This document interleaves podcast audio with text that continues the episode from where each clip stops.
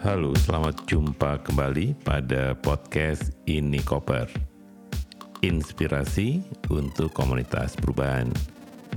Saya Dani Wahyu Menggoro dari Inspirasi Tanpa Batas. Podcast edisi kali ini kita akan bercerita tentang pengalaman membantu fasilitasi sebuah retreat organisasi.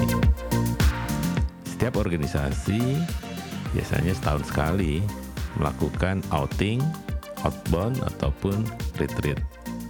Istilah ini dipakai untuk membantu organisasi istirahat sejenak dari keseharian untuk membangun berbagai hal kaitannya dengan team building. Tidak hanya team building tetapi juga teamwork. Karena itu di dalam kegiatan retreat itu setiap organisasi selalu menafsirkan dengan variasi yang berbeda-beda. Beberapa organisasi menerjemahkan retreat sebagai outing, kegiatan bersama di luar kantor. Dan kegiatannya biasanya sangat fun, kemudian banyak games ya. Bahkan punya kecenderungan untuk memilih outdoor dibandingkan indoor. Dulu, Inspirit pada saat awal-awal sekali juga menawarkan jasa untuk melakukan outing, ya kegiatan-kegiatan di luar ruang dan divariasikan dengan kegiatan di dalam ruang. Nah, di dalam retreat variasinya selain di dalam kegiatannya, di kontennya juga berbeda-beda. Ada yang menggunakan retreat bagian dari rapat kerja gitu ya. Jadi tetap membahas konten-konten berat dari organisasi biasanya rencana atau kemudian memecahkan satu problem yang dianggap sangat penting dan juga koordinasi. Karena itu retreat kadang juga dianggap oleh berbagai organisasi itu sebuah kegiatan yang mahal ya. Apalagi kalau corporate kan hitungannya tiap hari itu harus menghasilkan uang gitu. Jadi retreat pun biasanya mencuri hari-hari libur dan kalau memang betul di hari kerja itu sangat jarang. Dan sebaliknya di organisasi non pemerintah atau organisasi sosial atau organisasi riset itu bisa menggunakan hari-hari kerja karena relasi dengan klien atau donor dan sebagainya tidak hari per hari ya. Jadi bisa memberikan apa semacam pemberitahuan bahwa pada hari Selasa sampai Jumat minggu ini itu kami off ya dan komunikasi masih bisa dilakukan via email atau via yang lain. Nah di dalam retreat yang kemarin sebenarnya kita juga pernah membantunya di beberapa tahun yang lalu.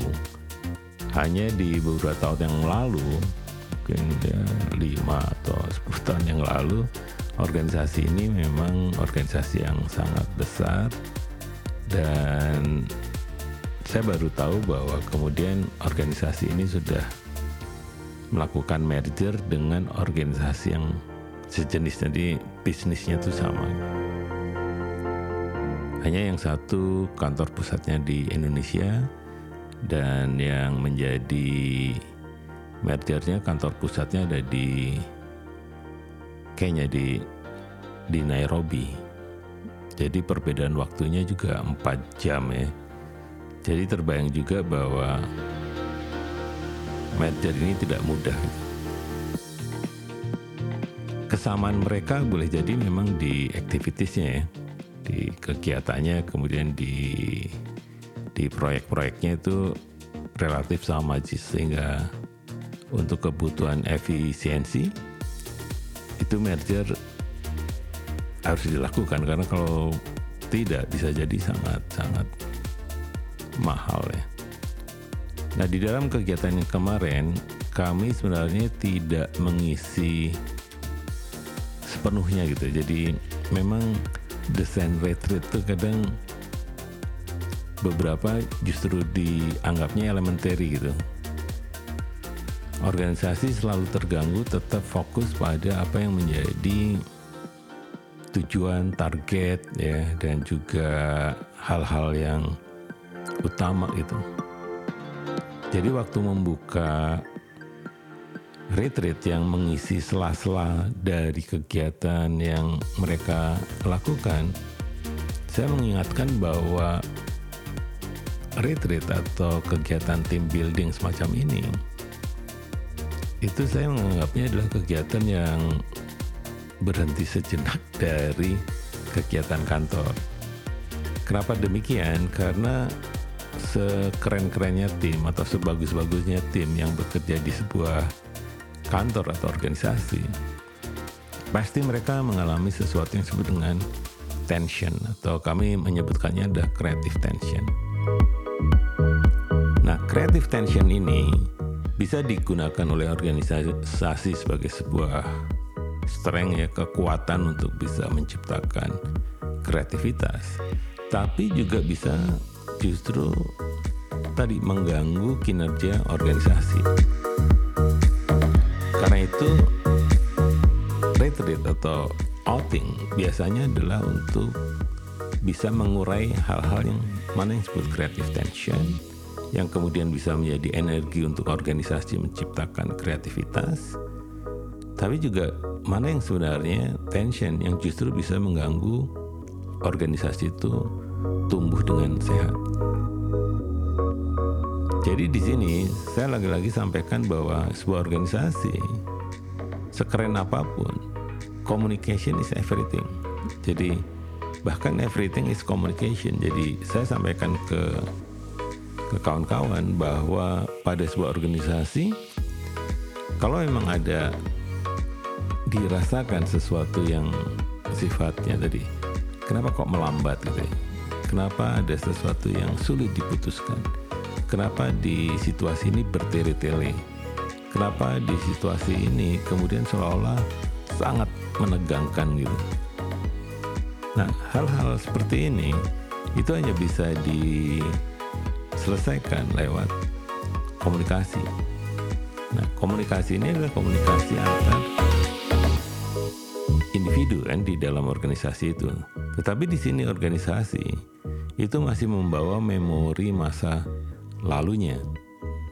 Sehingga kadang penamaan dari organisasi yang merger adalah penamaan yang hanya disambungkan saja. Misalnya Kementerian Lingkungan Hidup dan Kehutanan dulu ya dua entitas yang berbeda dan memiliki kebudayaan yang berbeda juga yang kemudian dicoba dalam 10 tahun ini menjadi sebuah kementerian dan tidak mudah walaupun masih tetap survive dan tentunya dengan banyak sekali pelajaran-pelajaran yang harusnya di diambil ya untuk bisa menjadi sebuah organisasi yang matang gitu. Nah di sini yang kemudian bisa dilakukan oleh fasilitator yang pertama sebenarnya adalah kami mengajak mereka pada sesi yang sangat pendek itu mulai memeriksa organisasi dari persepsi, dari cara mereka melihat. Karena itu di bagian pertama kami meminta mereka menggambarkan organisasi mereka. Nah secara umum sebenarnya gambar-gambarnya juga menunjukkan hal-hal yang bisa dimergerkan kan bisa tentang wilayah kerja, tentang konten, kemudian tentang kontribusinya, tentang impact dan sebagainya itu bisa tergambarkan pada persepsi mereka pada organisasi baru dalam tanda kutip ini. Nah kemudian saya ajak juga sebenarnya di bagian yang kedua itu mulai membayangkan masa depan, impact apa yang sebenarnya dibayangkan dari semua kegiatan di sini. Tentu tidak mudah, tapi exercise itu penting untuk melihat bahwa ada banyak ya kemungkinan-kemungkinan yang ingin diwujudkan oleh organisasi ini. Kalau tidak, untuk apa ada? Mengapa kita harus ada di dunia ini kalau tidak ada gunanya gitu? Ya, itu bahasa sarkastiknya ya. Nah, di bagian yang lain sebenarnya saya juga ingin mengeksplorasi setelah bisa melihat ke masa depan. Langsung sebenarnya ke strategi, ke theory of change. Nah, proses ini sebenarnya hanya untuk apa? Karena memang bukan fokus ya. Jadi untuk hanya men-scanning dengan cepat apa yang dibayangkan dalam konteks strategi. Paling tidak, tim manajemen bisa menangkap bahwa ada ide-ide tentang kaitannya dengan strategi-strategi atau inovasi-inovasi yang bisa dilakukan. Karena itu, di sesi ini juga dipertanyakan tentang asumsi yang digunakan. Jadi, mengapa sebenarnya strategi ini harus diambil oleh organisasi ini? Bukannya organisasi ini hanya fokusnya pada A misalnya, bukan pada B. B ini adalah urusannya misalnya internal setiap negara. Nah, itu yang kemudian dilakukan di bagian yang ketiga. Nah setelah bagian yang ketiga ini saya ingin mereka share. Cukup panjang sebenarnya makan waktu cukup panjang tapi proses itu memang harus dilakukan untuk memahami tentang vision ya kemudian mission dan juga semacam general strategy atau inovasi strategi yang bisa dilakukan kemudian malam hari mereka melakukan satu kegiatan selebrasi ya dengan challenge antar antar wilayah kerja dan sebagainya. Tapi kemudian pagi hari mereka punya kegiatan outbound ya atau outing dengan tim yang ada di tempat penyelenggaraan retreat ini bagian kami sebenarnya di bagian akhir. Ya hanya di waktunya dua jam. Dan kemudian bagaimana sebenarnya bisa apa semacam merangkum ya semua proses ini menjadi sebuah proses yang luar biasa. Karena itu di bagian akhir saya memilih satu kegiatan yang pertama sebenarnya sering disebut dengan traffic jam. Hanya sifatnya bukan kompetisi tetapi bagaimana sebenarnya mereka harus bergabung antar grup untuk ber apa, berkolaborasi memecahkan teka-teki ini. Sebetulnya teka-teki ini sederhana, bisa dipecahkan oleh satu atau dua orang, tapi isunya bukan di sana. Isunya adalah bagaimana solusi itu dilakukan oleh seluruh tim mereka. Jadi kadang di pikiran kita selesai, tetapi pada saat aplikasi itu kita gagal. Atau bahkan ya kita berhasil melakukannya tapi justru tanpa ada konsep dan sebagainya. Jadi gap-gap seperti ini sebenarnya bisa menjadi satu refleksi yang dalam bagi tim leaders, ya, tim manager maupun tim eksekusi di di lapangan. Bagaimana sebenarnya boleh jadi gagasannya oke ya, tapi ketika di lapangan tidak ada apa-apanya gitu. Sebaliknya di lapangan terjadi sesuatu yang luar biasa, tapi leader tidak bisa menangkapnya. Konsepnya tidak ada.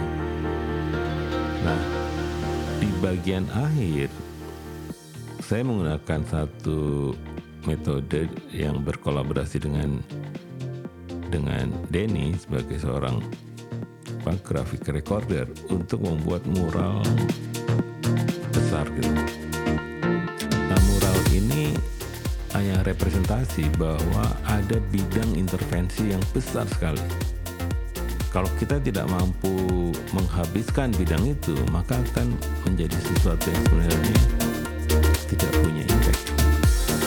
Karena itu mereka 100 orang itu bekerja ada yang membangun kerangkanya, ada yang membangun konsep besarnya, ada yang hanya tinggal mewarnai, ada yang menggaris, ada yang mengkoneksikan pada saat install gambar-gambar itu di kerangkanya dan sebagainya hanya waktunya sekitar 45 menit. Itu suatu kolaborasi yang luar biasa. Jadi di sini akhirnya memang sesuai dengan tujuan bagaimana ada harmoni dan juga ada kreativitas, ada juga kolaborasi. Dengan cara ini sekurang-kurangnya kami sebagai fasilitator bisa memberikan sebuah medium ya untuk mereka menerjemahkan kata harmoni, kreativitas, dan kolaborasi. Dan bonusnya adalah bahwa makin apa semacam timnya itu semakin semakin percaya diri, semakin kompak, semakin saling menghargai dan relasi-relasi antar anggota tim juga semakin baik. Jadi itu saja ini koper kali ini. Semoga bermanfaat dan sampai jumpa pada edisi berikutnya.